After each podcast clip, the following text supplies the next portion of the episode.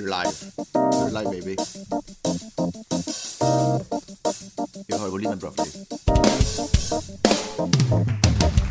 Från de solblekta stränderna i Santa Monica, Kalifornien. Mina damer och herrar, tillåt mig presentera Peppe Öhman, Magnus Silvenius Öhman. Det här är Magnus och Peppes podcast!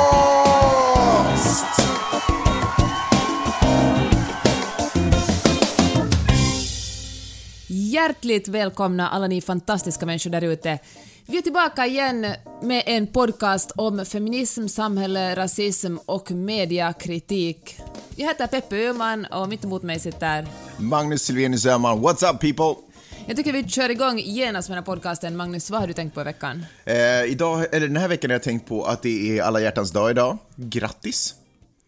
Uh, nej, nej, Eller, det nej. är jag som ska gratulera. Nej, vänta, hur, hur, säger man inte grattis på alla hjärtans dag? Eller vad säger man? Glad alla hjärtans dag kanske man säger. Man säger jag älskar dig Peppe Öhman.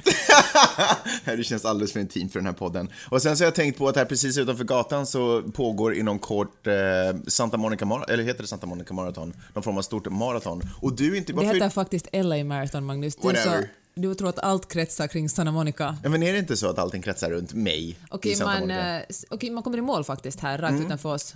Precis, Oceans det, Avenue. det var exakt det jag menade. Varför är du inte ute och springer Peppe? Du är ju en sån springare. Jag vet inte, det känns så pretto att springa ett maraton. Nej! Alltså jag skulle naturligtvis kunna det hur lätt som helst, men Ja, jag avstår på grund av att det är så pretto. Det- Alla gör det nu för tiden. Ja. Det känns så, jag vet inte, det känns så Det är som ett tecken, bolsjevikiskt. det är så typiskt medelålderskriset. Är det inte alls, finns inte alls den här strävan inom dig att liksom mäta dina krafter gentemot andra människor? Nej, inte alls. En gång tvingade min kompis Hanna Gulliksen mig att springa ett halvmaraton. Mm. Och det gjorde jag bara för att vara en god vän, men alltså, det är inte alls min grej att springa mot andra. Men vet du vad, det här leder mig Jag nämligen... springer ju bara för att få vara i fred, alltså. Det är den enda orsaken. är det sant? Med dina egna tankar och, Ja. och sånt. För att det här med att vara frilansare som vi snackade om förra veckan, som dessutom fick en spin-off i en eh, podcast som heter Framgångspodden som ni kan lyssna in på med Kugga Malin.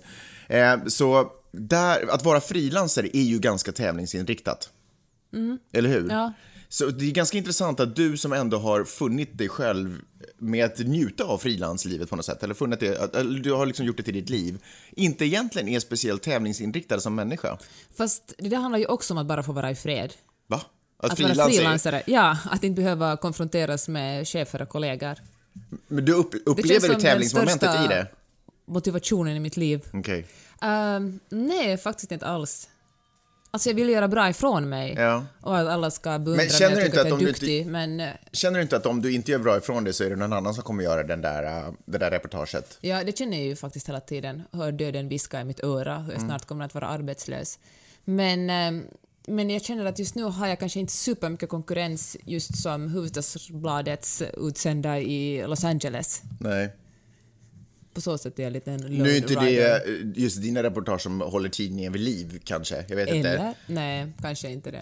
Jag menar bara det faktum att du har en sån liten snäv nisch som utsänd i Los Angeles så hade jag varit nervös av. Mm. Eller gör mig nervös på kvällarna.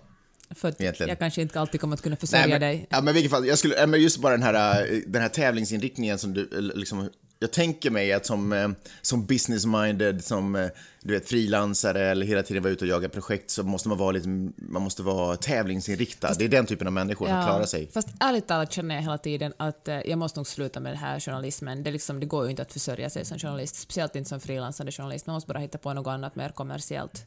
Men då blir det ju ännu mer tävling. Ja, men då kanske man tjänar några pengar i alla fall. Nu känns det verkligen som att, att om man är tävlingsinriktad och jobbar som journalist, då måste man ju bara göra det för the fame liksom, Mm. eller för... Eller eh, tävlingsinriktningen handlar om att överhuvudtaget kunna försörja sig, Ja, att för överhuvudtaget det finns ju inget fame pengar. inblandat i det heller om vi ska vara helt ärliga.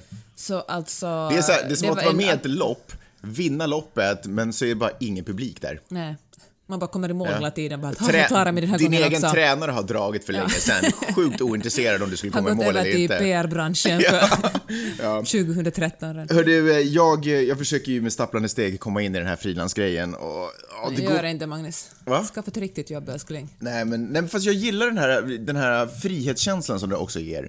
Jag tror att det här frilansare, det är mer betoning på fri i det där, äh, i det där ordet. Som jag, det, jag gillar det som fasiken. Men jag fick ett litet eh, nedslående mail här. Eh, Jag gjorde min, eh, kanske min första, eller min, nej, min andra grej för, för finska, för svenska YLE. Men du har gjort, ett, du har gjort tusen TV-program för dem och Jo, jo men som och... egenskap av frilansare, sen vi flyttade hit. Jo, jo, alltså jag har ju jobbat för bolaget i nästan tio år, absolut. Jo, Så jo. gjorde du en TV-serie härifrån förra våren. Ja, okej, ja, men jag räknade den serien som en beställning, Okej. liksom, ungefär, tänkte jag. Anyway. Eh, Men jag gjorde, en, jag gjorde en liten intervju med eh, Alex Schulman. ehm, För, egentligen var den faktiskt för Sveriges Radio, men jag tänkte kolla om, om Svenska YLE också var intresserade av den. Och, och så gjorde vi lite förhandlingar och så tänkte de att, ja men absolut, vi, eh, eller förresten, jag måste ju kanske säga de där förhandlingarna, för det är ju inte så mycket av förhandlingar, utan, och jag tänker mig att det kanske är så på SR också, att det finns de, när, man ska, när man förhandlar med producent om priset så går producenten fram till en bokhylla, blåser av en perm, öppnar permen, ser på det första A4-pappret där det står frilansare ska få och så står det, du vet, en summa pengar. Och sen, 2,50. och så smäller de ihop, ja 2,50, och så smäller de, nej det är faktiskt mer, men eh, så smäller de ihop permen och så tar de, lyfter de luren och säger, ja men det blev så här mycket som du får. Och så försöker man lite sträta emot. De bara, ja ah, men vänta jag ska gå och kolla, jag ska höra mig för om det finns någonting att göra. Och så lägger de från sig luren, tittar upp i luften, visslar i en, en minut, lyfter upp luren, nej tyvärr det gick inte. Ja, och så, så tar man det priset för att man vill ändå få ju- liksom, sin, sitt reportage Det är sålt. bättre än noll liksom. Ja, vilket fall som helst. Och Så, så efter mycket om och men så åkte vi, eh, reportaget iväg, klippt och härligt. Eh, och så fick jag tillbaka det här mejlet, så står det så här. Hej Magnus, nu har jag äntligen hunnit lyssna på din Jotto. Jotto är alltså finlandssvenska för din, din grej. Så. Eh, ursäkta dröjesmålet. Tyvärr tyckte jag den var ganska dålig och kommer nog inte sända den i bokmagasinet som planerat eftersom den inte håller måttet. Och det här är ju inte ett peptalk för en frilansare på något sätt.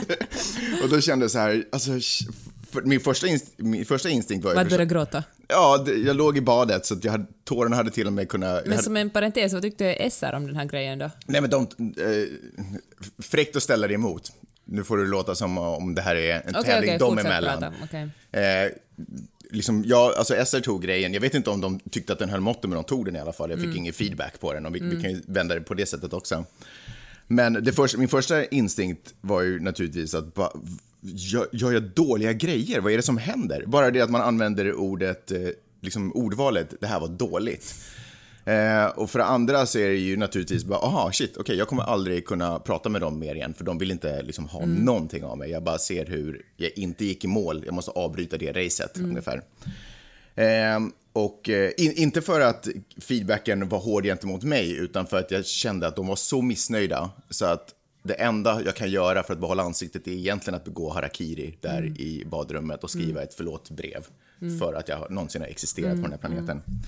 Men sen så började jag tänka så här, hur otroligt enkelt det är att... Eh, att... ehm, eh, att, att slänga ur sig såna här, eh, använda ett sånt här ordval till en frilansare. För jag började tänka på min tid då, jag började backa bandet till min tid på det där bolaget.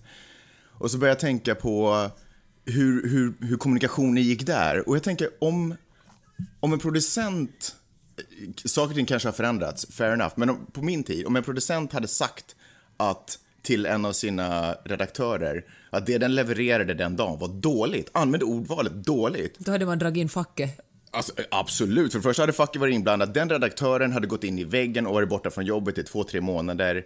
Eh, alltså, jag kan bara inte se på min världskarta hur man, att man skulle kommunicera på det sättet. Jag, tror, jag, jag tror att man kanske mer hade varit sådär, eh, jag gillar det här, jag gillar det här, du måste försöka korta ner den, jag gillar det här, jag gillar det här, du måste försöka Eh, inte avbryta. Vi kör den här nu som den är, men nästa gång avbryt inte intervjuoffret när, du, när, du, när du intervjuar den. Och så, du vet, liksom linda in det, egentligen så som...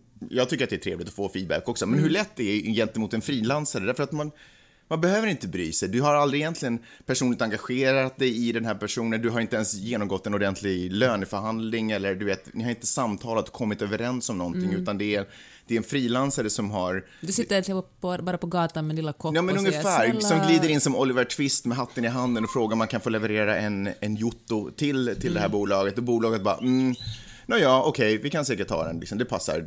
Liksom, lite whatever för mig. Jag får ändå lön den här dagen och programmet är i princip fyllt ändå. Till saken hör att du hade ju liksom inte kontaktat just den här det programmet väl? Det var den här eh, grejen du hade gjort. Det här var kulturredaktionen och sen så tanken var att det här skulle gå i ett, ett flödesprogram från början. Eh, men sen så hade producenten för kulturprogrammet, eh, alltså Maria, Maria Helsing heter hon.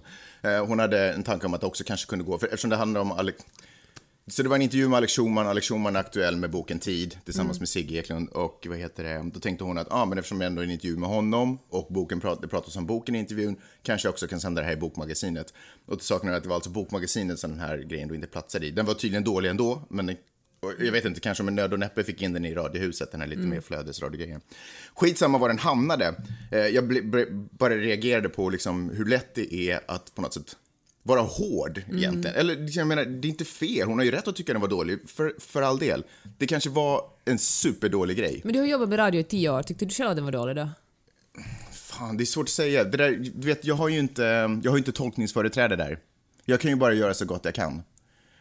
Um, om det, jag, jag hör vad hon säger om det kommer till att huruvida den skulle platsa i ett bokmagasin. Jag är ju ingen bokrecensent eller, bok, eller liksom på så sätt en kulturjournalist jag kan ju kanske möta en människa och göra en intervju om den människan för mm. att jag är intresserad av den människan. Eh, men eh, fine, det har man ju rätt att tycka, att vare sig den platsar eller håller måttet eller inte. Och det kom en, en del annan bra feedback där också, till exempel då det här att hon tyckte att jag avbröt och, och sådär. Mm. Du vet, jag har inget tolkningsföreträde, mitt jobb är ju att leverera så bra grej som mm. möjligt. Men naturligtvis i egenskap av frilansare så är det här otroligt stressande för att det är en tävling. Vad betalar de dig då? Eh, de betalar mig jag tror att eftersom jag fakturerar själv så får jag fakturera 200 någonting. Fasiken, mm. det kommer inte jag riktigt exakt ihåg, men 200 får jag fakturera för mm. den här mm. grejen. Eh, och eh, jo, men i och med att det här då, jag är frilansare och det här är en tävling så känner jag nu att ah, men shit, jag har inte levererat. Så jag fick naturligtvis panik och måste börja försöka klippa om den. Eh, och då lägger jag ju också samtidigt mycket mer tid på det här. Mm. Och så skickade jag den och hon uppskattade naturligtvis att jag gjorde ett nytt försök, att jag inte bara lämnade som att okej, okay, ni är assholes som inte diggar min grej, mm. utan att jag skickade en ny grej, eh, en ny version åt henne och sen så skickade hon tillbaka och tyckte kanske fortfarande att den, hon tyckte i och för sig att den var bättre, men att den fortfarande inte riktigt höll måttet. Hon använde inte ordet dålig Nej, nu kom inte ordet dåligt liksom. Hon använde ordet shit. Nej, nej det gjorde hon inte, utan det var helt enkelt inte, den höll bara inte måttet. Hon hade lite tankar om hur jag kanske hade förberett mig men jag menar, det var ju inte... Ja, whatever. Skitsamma. Fast det här med att förbereda sig, det här talade vi om i förra, eller var det förra, förra podden också, om att uh, om man ska ha någonting, om man vill ha någon som är superväl förberedd, så är det svårt om man betalar 200 euro för en mm. grej. Alltså det är svårt ja, men så här, Exakt, och jag tror att det här är en, det här är ju en lyx att vara ett stort bolag och ha massa anställda som hela tiden kan producera saker och ting. Som kan slappa på jobbet, eller inte slappa på jobbet, förlåt, utan som kan fördjupa sig i jobbet. Som kan ta tid och, och göra någonting. Alltså i världen som jag lever i så måste jag försöka kränga en och samma grej till så många som möjligt. Därför att alla betalar ungefär. Det, det är inte så att de är exceptionellt låga. Fair enough att Sverige betalar mer, men det är dubbelt så stort land. Så jag mm. förstår att det finns mer pengar där. Men man, mitt jobb blir ju på något sätt att försöka kränga en grej, försöka få så mycket betalt för en grej som möjligt. Mm. Eh, och, och, och om man, om inte... Ja, så här, alltså det finns ett uttryck som heter if you pay peanuts you get monkeys.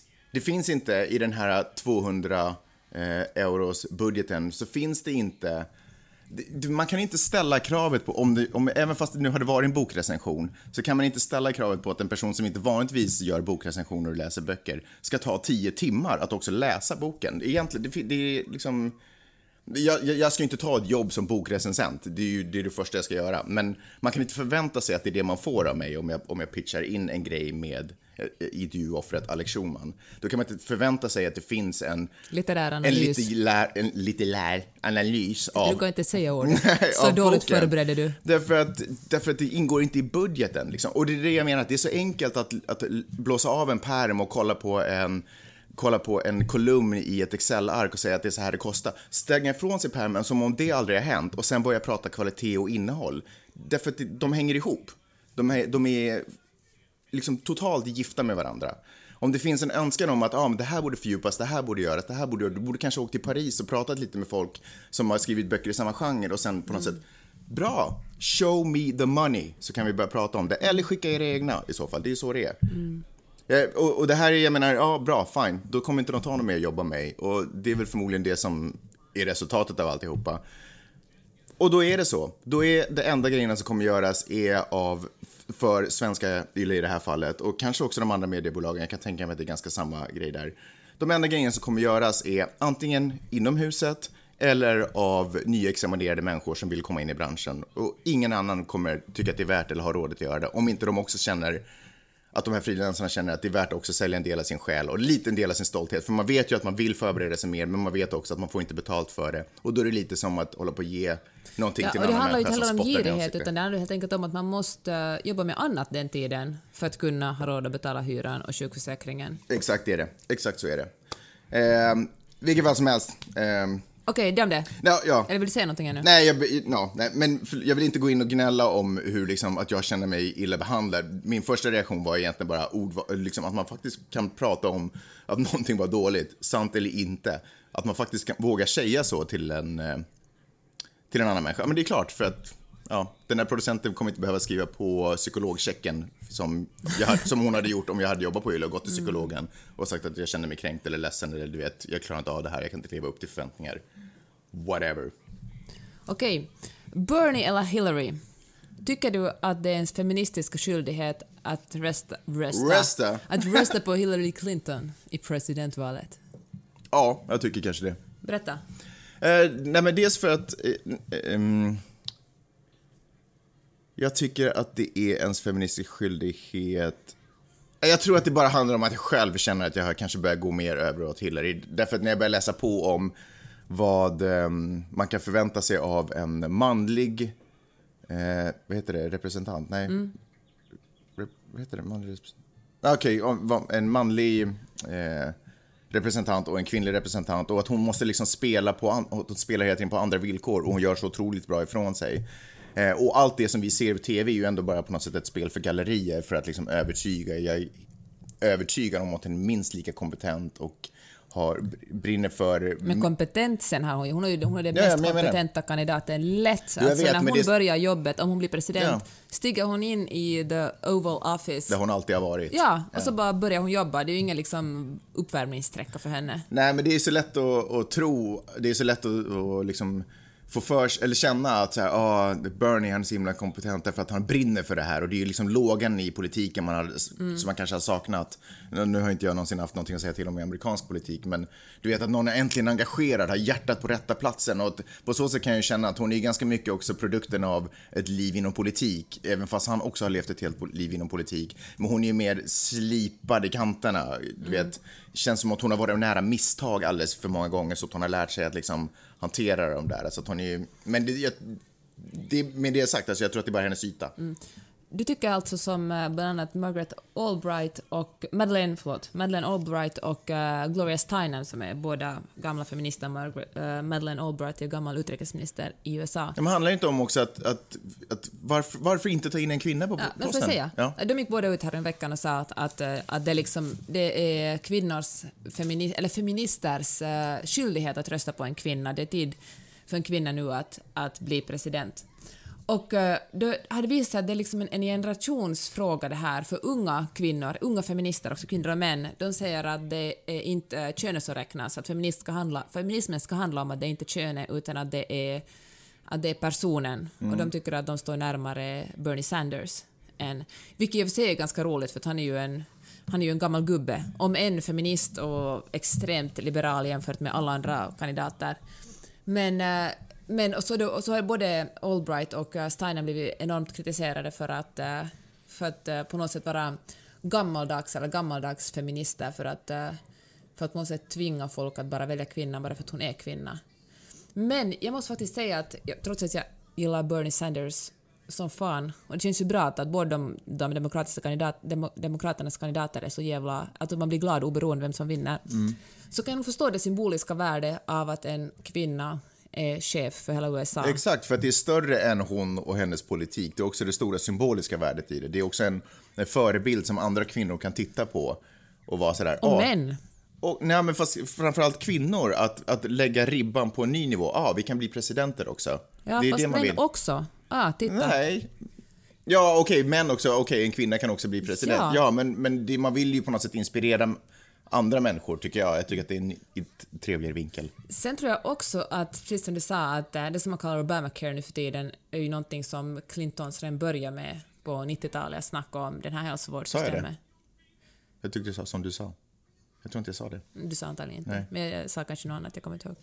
Men jag tror faktiskt att hon är mycket mer vänster än man skulle tro, men jag tror att också hennes profil i, eh, i de här debatterna och i media är lite strängare kanske än vad hon är innerst inne, eftersom jag tror också att hon vill att ifall någon av tomtarna från eh, Republikanernas sida blir, eh, blir presidentkandidat, eller det är ju bara tomtar där, det är faktiskt bara stollar där just nu, så kan hon va- vara en eh, realistisk kandidat för republikaner som känner att nej, Trump eller Cruz, det är liksom, eller Rubio för den delen, Ja. det är bara för mycket för mig. Jag måste gå över till Demokraternas sida och då känns Bernie Sanders som ett för extremt val. Då liksom får, då får eh, Hillary deras röster. Ja.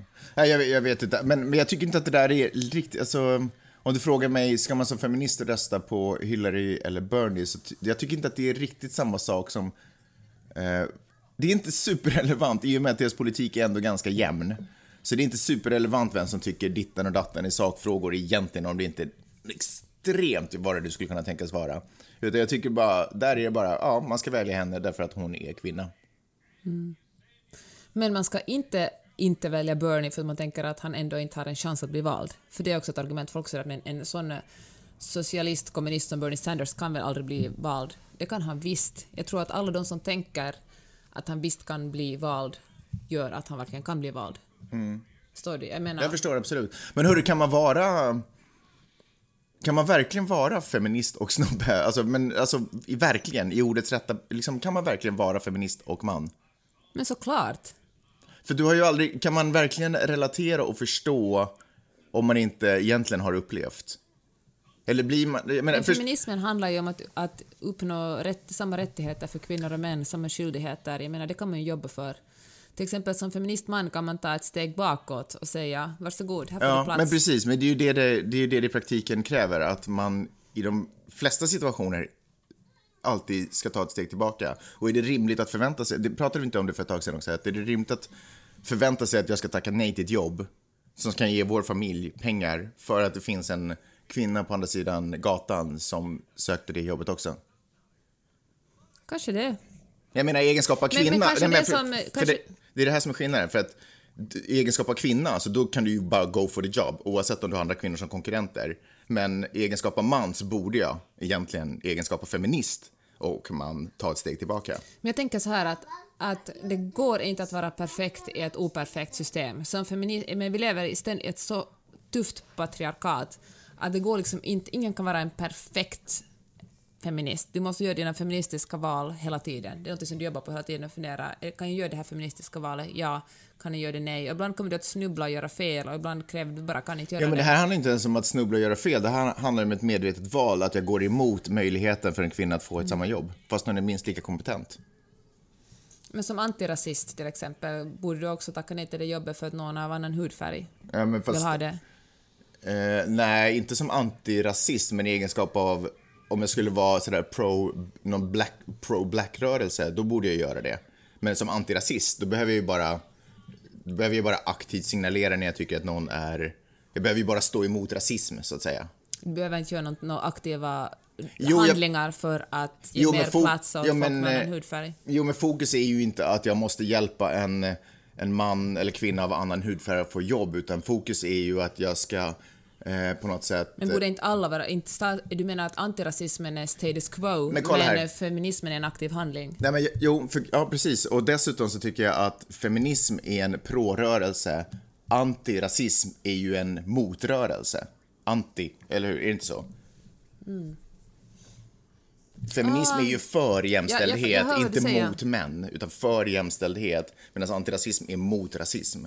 Ja, jag fattar vad du menar, men jag kan ändå säga att antirasismen, att, att på något sätt för att Jag upprätthålla det, är det ändå en handling man måste göra. Ja, jo, för det är om, sant. För att om man, är, om man liksom gör ingenting och säger att det räcker, eller om man bara, om jag förstår säger, om man säger hej, jag tycker inte om att du använder det där ordet. Men man kan ju vara aktivt mot.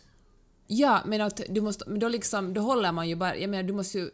Finns inte en aspekt inom, inom antirasismen att också lyfta fram såna... Att, att tänka, att vara normkritisk, att, att uh, kanske till och med kvotera in folk. Ja, jo. Det, det gör det ju i och för sig, absolut. Det är sant. Men jag tycker ändå att det finns en... Det är som, jag tycker att feminism och kanske mer, du vet... Martin Luther Kings rörelse är ju liksom, det är ju, det är ju jämnbördiga Men det var ju inte en antirasistisk rörelse, utan det var ju en, en civil rights. De jobbar ju för mänskliga rättigheter också. Fast feminism är ju också mänskliga Jo, rättigheter. men du- och feminism men- innefattar ju också... Hör du vad men, jag säger? Jo, jo, men jag tänker så här, men, men du ser, du talar sådär till plats åt kvinnor. Det, det handlar ju såklart om att lyfta fram kvinnor. Egenskap av man? Ja. Ja. vänta nu. Att, att, att säga att, att, äh, att kvinnor är strukturellt förtryckta. Men det handlar ju också, feminismen handlar ju också om att på något sätt hjälpa män ur traditionella könsroller. Att visa att vem som helst kan vara vad som helst. Du behöver liksom inte sättas in i ett fack bara för att du är född med en snopp eller Mm. en vagin. Sant. Sant också i och för sig.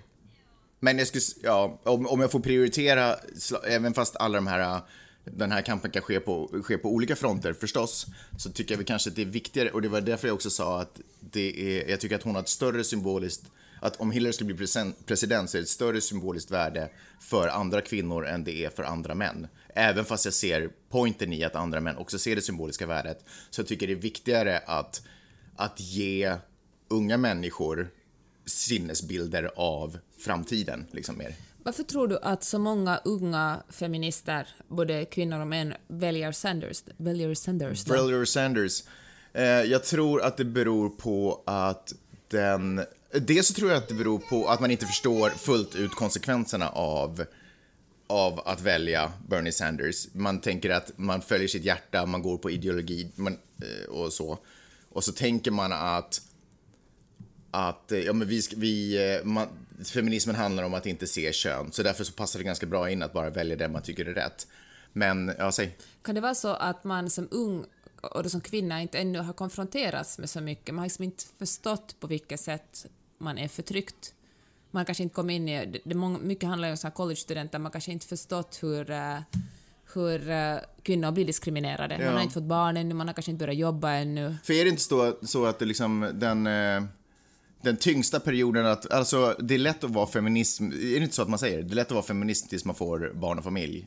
Liksom det, för sen börjar ju, det är ju sen det riktiga samhällstrycket, eller rättare sagt när man kommer upp i giftasålder, du vet, när det samhälleliga trycket riktigt börjar så här, folk börjar titta och folk börjar fråga, När det folk börjar börjar undra. passa för- ens familj, det råkar bara passa ens familj att kvinnan är hemma och tar hand om barnen och mannen jobbar.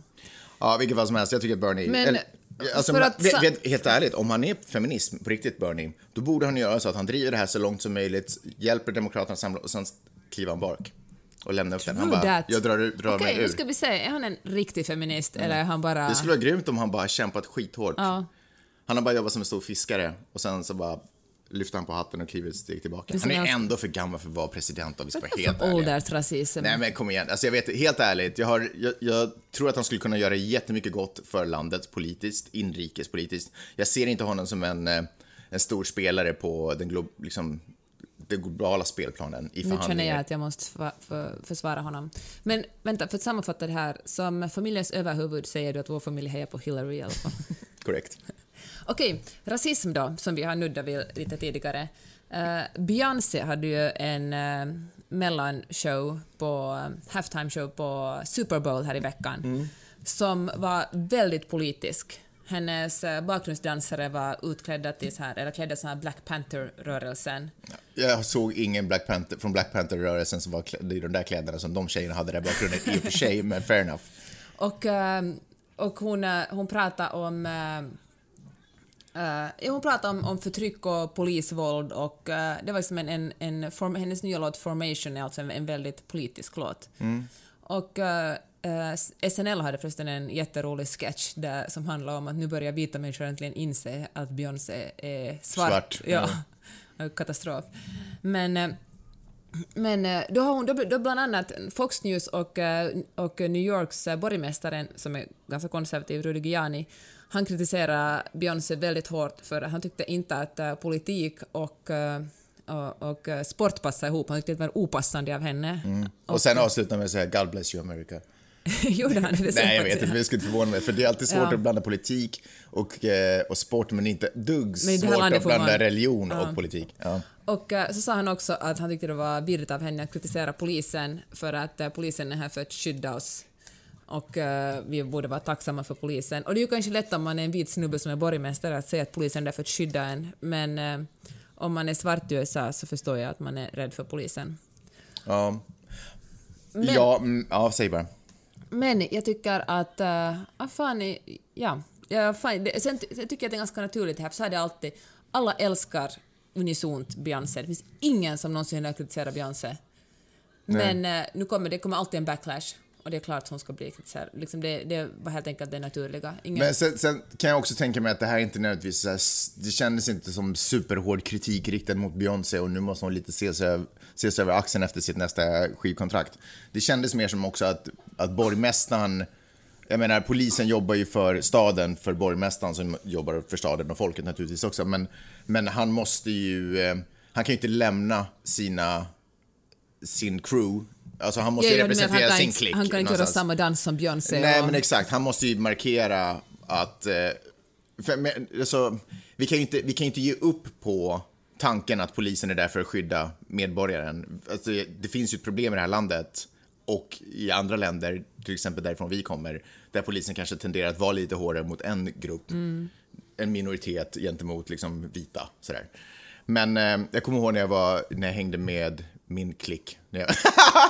Nej, men när jag hängde med busiga killar i gymnasiet så då puttade de alltid fram mig när polisen kom så fick jag stå och snacka och så kom jag undan ganska bra faktiskt. Eller väktare, du vet, eller någonting annat.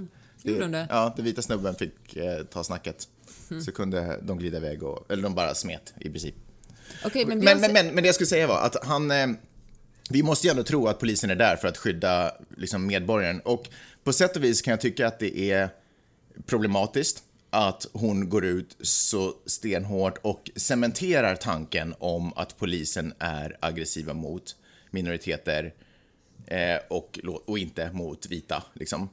Eh, för att det kan ju inte vara, det får, det får inte vara den cementerade fakt det får inte vara ett faktum. Liksom. Man måste hela tiden jobba mot att... men om det är ett faktum att Jo, det, polisen är rasistisk Jo, men, det, det blir men förstår du, om man cementerar det, då är det ett oåterkalleligt, då går det inte att göra någonting åt det. Det måste vara ett, det måste vara ett, ett faktum just nu som vi kan jobba på att förändra. Förstår du vad jag Men menar? kan hon göra det? det gör- Kan inte, väcker inte här bara ännu mer diskussion om att Black Lives Matter? Ja, kanske, kanske inte. Men jag, men jag ser det också som ett politiskt spel, att han bara går ut och säger, ger ett statement mot det och säger att nej, så här Mm. är det. Det här är det vi strävar efter, det här är liksom tanken. Men jag förstår också hennes frustration. Men jag tycker att det är, ibland kan jag känna... Alltså älskar du inte Beyoncé, det du försöker säga? Jo, det är klart att det gör. Vem älskar inte Beyoncé? Men, men eh, jag tycker att det är... Det är så problematiskt när stora idoler som har en så enorm fanbas också blir eh, talesmän.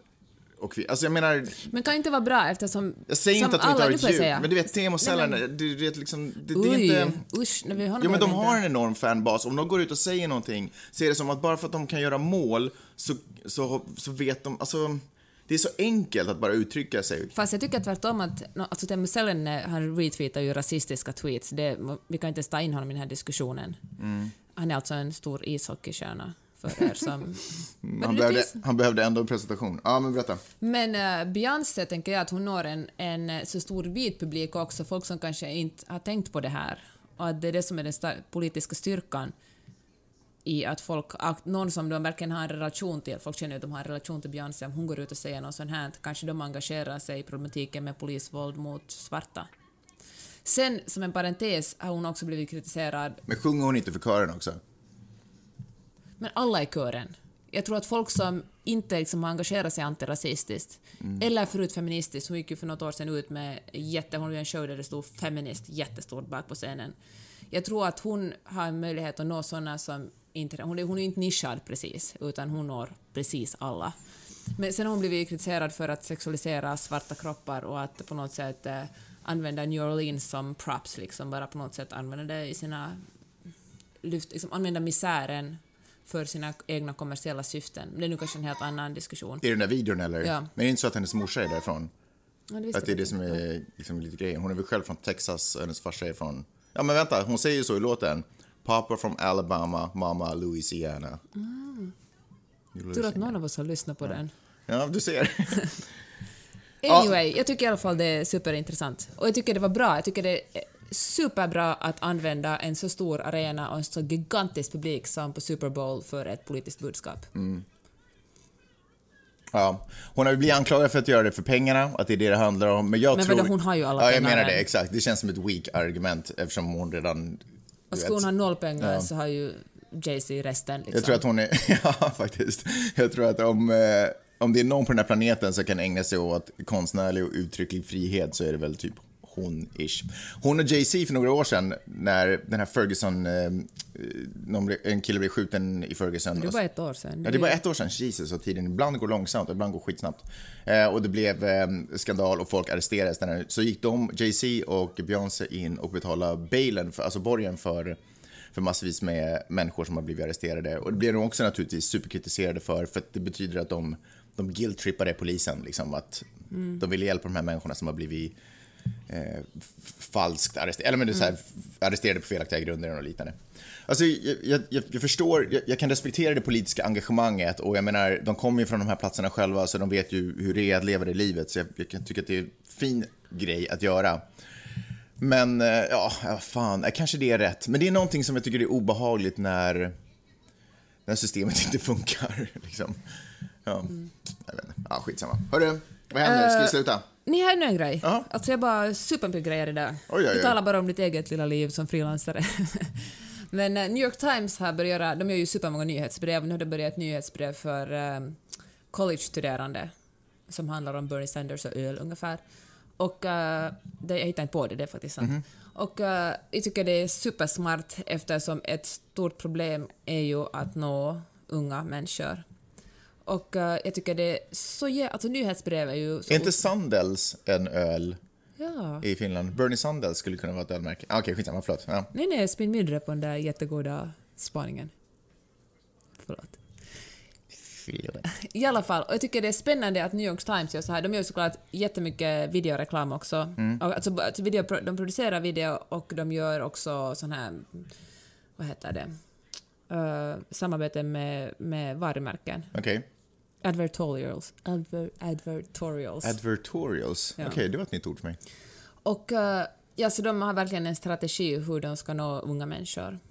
Och eh, samtidigt så gör tidningen Jobba på Hufvudstadsbladet en eh, app på en telefonapp alltså. Mm. Och eh, som kommer att kosta... Alltså, vad, är- vad, är point, vad, kom, vad kommer du berätta om nu? Nej, jag tänker bara det här att... Vi glider från eh, New York Times gör öl och, Wait for it. öl och Bernie Sanders-reklam till att HBL har en... Eh, Nej, jag tänker bara på olika tidningshusstrategier. Aha, okej. Och då har de, då öppnar HBL-strategier, det här de öppnar sina webbsidor, hbl.fi, men vill man ha den här appen med nyheter och massa extra material, där bland annat lilla TV-programmet gör med Janne Strang visas, där vi mediekritiska lilla showen. Uh, visas Vad är det som händer? vad är det som händer, heter den. Superbra att rasism i, i det senaste avsnittet. Och den här appen kostar 5 euro i månaden för de som redan är prenumeranter och 15 för de som inte är prenumeranter. Och då tänker jag, rör vi oss nu mot en tid där folk är redo att betala för uh, innehåll? Förlåt, jag tog en liten tugga. Eh, jag tror att vi har varit i den tiden ganska länge. Där. Jag menar, Spotify finns, Netflix finns, eh, folk har betalat för saker. Folk köper ju saker över Amazon. Jag tror att folk har varit redo att betala ganska länge. Jag tror att det, problemet är inte om folk är redo att betala. Jag tror att trixet är vad man är redo att betala för. Och eh, jag tror att man måste, det måste finnas ett förtroende mellan eh, producenten och kunden där någonstans. Och eh, HBLs app, för du vet, jag tror inte att HBL kan sälja med det finns extra material eller du vet, jag vet inte. Jag har inte, alltså, det här, alltså, jag älskar ju alla som jobbar där, det är inte det, utan det här är inte personligt, utan det här är bara, jag kanske inte jag kanske personligen för det första inte läser ens huvudartiklarna så pass ofta att jag känner att jag skulle vara råsugen på extra materialet. Och i det, det fallet som jag kanske läser huvudartiklarna så det ska vara en jävligt bra artikel och den ska vara, det måste ju vara liksom, det måste ju vara som en, eh, samma effekt som tv-serier kan ha, att man blir så indragen i att man måste veta hur det går eller du vet om, om, den, om filmen slutar tvärt, vilka var de här människorna, vad hände? Och, som jag ibland kan få när jag tittar på en dokumentär. Så man borde göra någon slags making a murderer-grej på den här appen. Jag menar inte att man måste, ja, men, eller, men, ja, men någonstans. Men, Eller serial. men framförallt så tror jag att det måste finnas det förtroendet. Jag måste lita på att om jag gör den här äh, investeringen, och, det, och jag tror att det spelar ingen roll om den är Okej, det spelar roll om den är 15 eller 5, men egentligen om man är någonstans redan från början i rätt prisskikt så tror jag inte det spelar så stor roll om det är eh, en euro uppåt eller en euro neråt. Jag tror att det mer handlar om, litar jag på att när jag lägger de här pengarna där, att jag kommer få det jag vill ha? För att om jag blir besviken, då kommer jag ju aldrig mer komma tillbaka. Men vad är det för material du vill ha då? Eh, jag tror inte...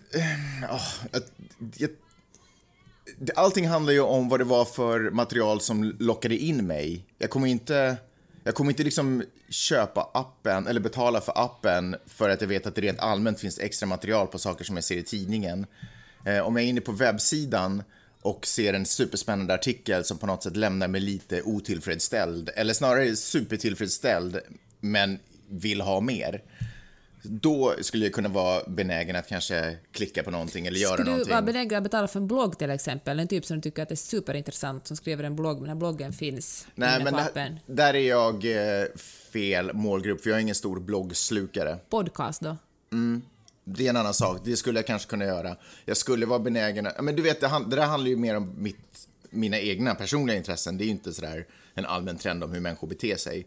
Men i mina personliga intressen så är jag ju redo, uppenbarligen så är jag redo att betala för att se filmer, för att se dokumentärer via Netflix. Jag är uppenbarligen redo att betala för att få eh, musik och du vet, den servicen från Spotify och sådär. Så det är inte det att jag inte är benägen att betala eller villig att betala. Det är bara att jag litar på de här eh, produkterna. Jag vet att Netflix kommer alltid, så gott som alltid, ha någonting till mig att titta på. Och Amazon eller HBO som vi i och för sig inte har. Men det skulle i princip kunna vara benägen att betala för.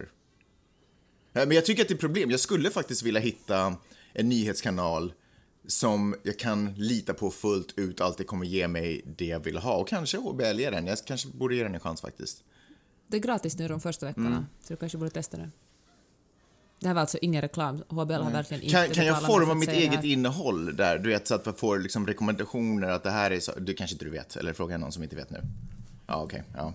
Men, det, men det skulle jag till exempel... För, sån feature... Customiserade nyheter. Ja, sån... För det är väl just det, att jag kanske inte orkar... Ja, men det, det, det, Mm. i så fall, du vet att jag kan få... Ja, kanske lite mer inriktning på utrikes och kanske någon form av, du vet... Men det måste ju vara ett helt unikt material för att man ska vara intresserad av det.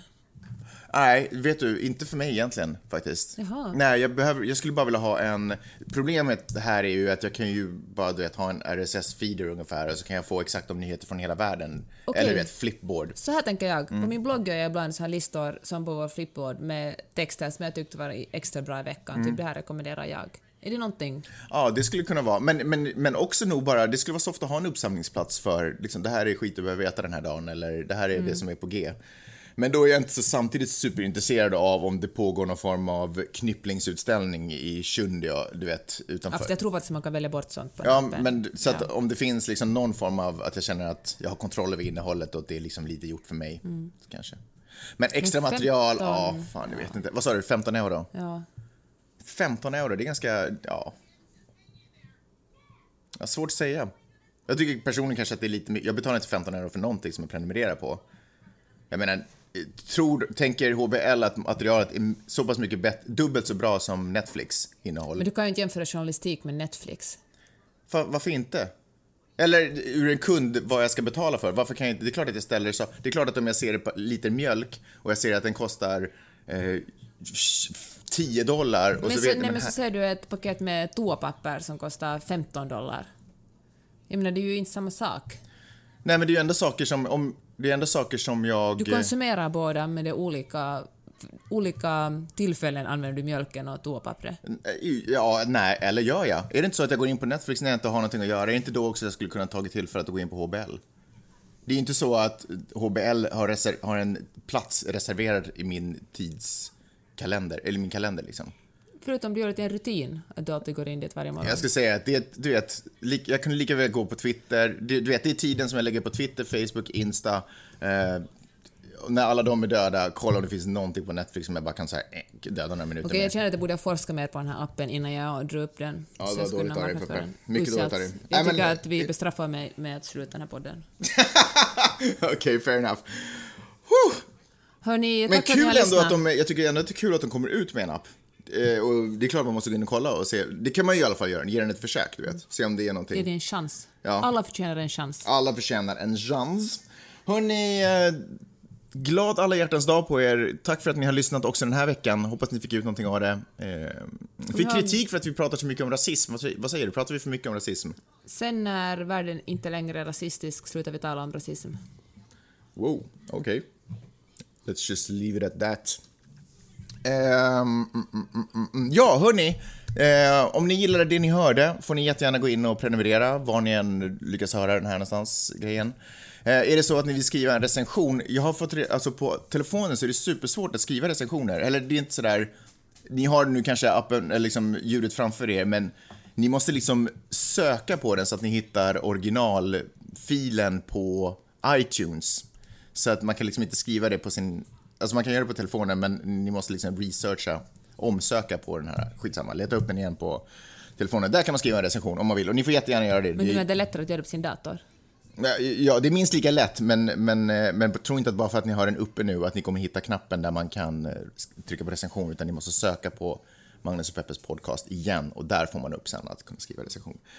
Skitsamma, ni gör som ni vill med det. Det betyder mycket för oss om ni gör det, men det betyder redan otroligt mycket att ni har lyssnat och jag hoppas att vi hörs nästa vecka. Ha det så bra! Hej då! Peace!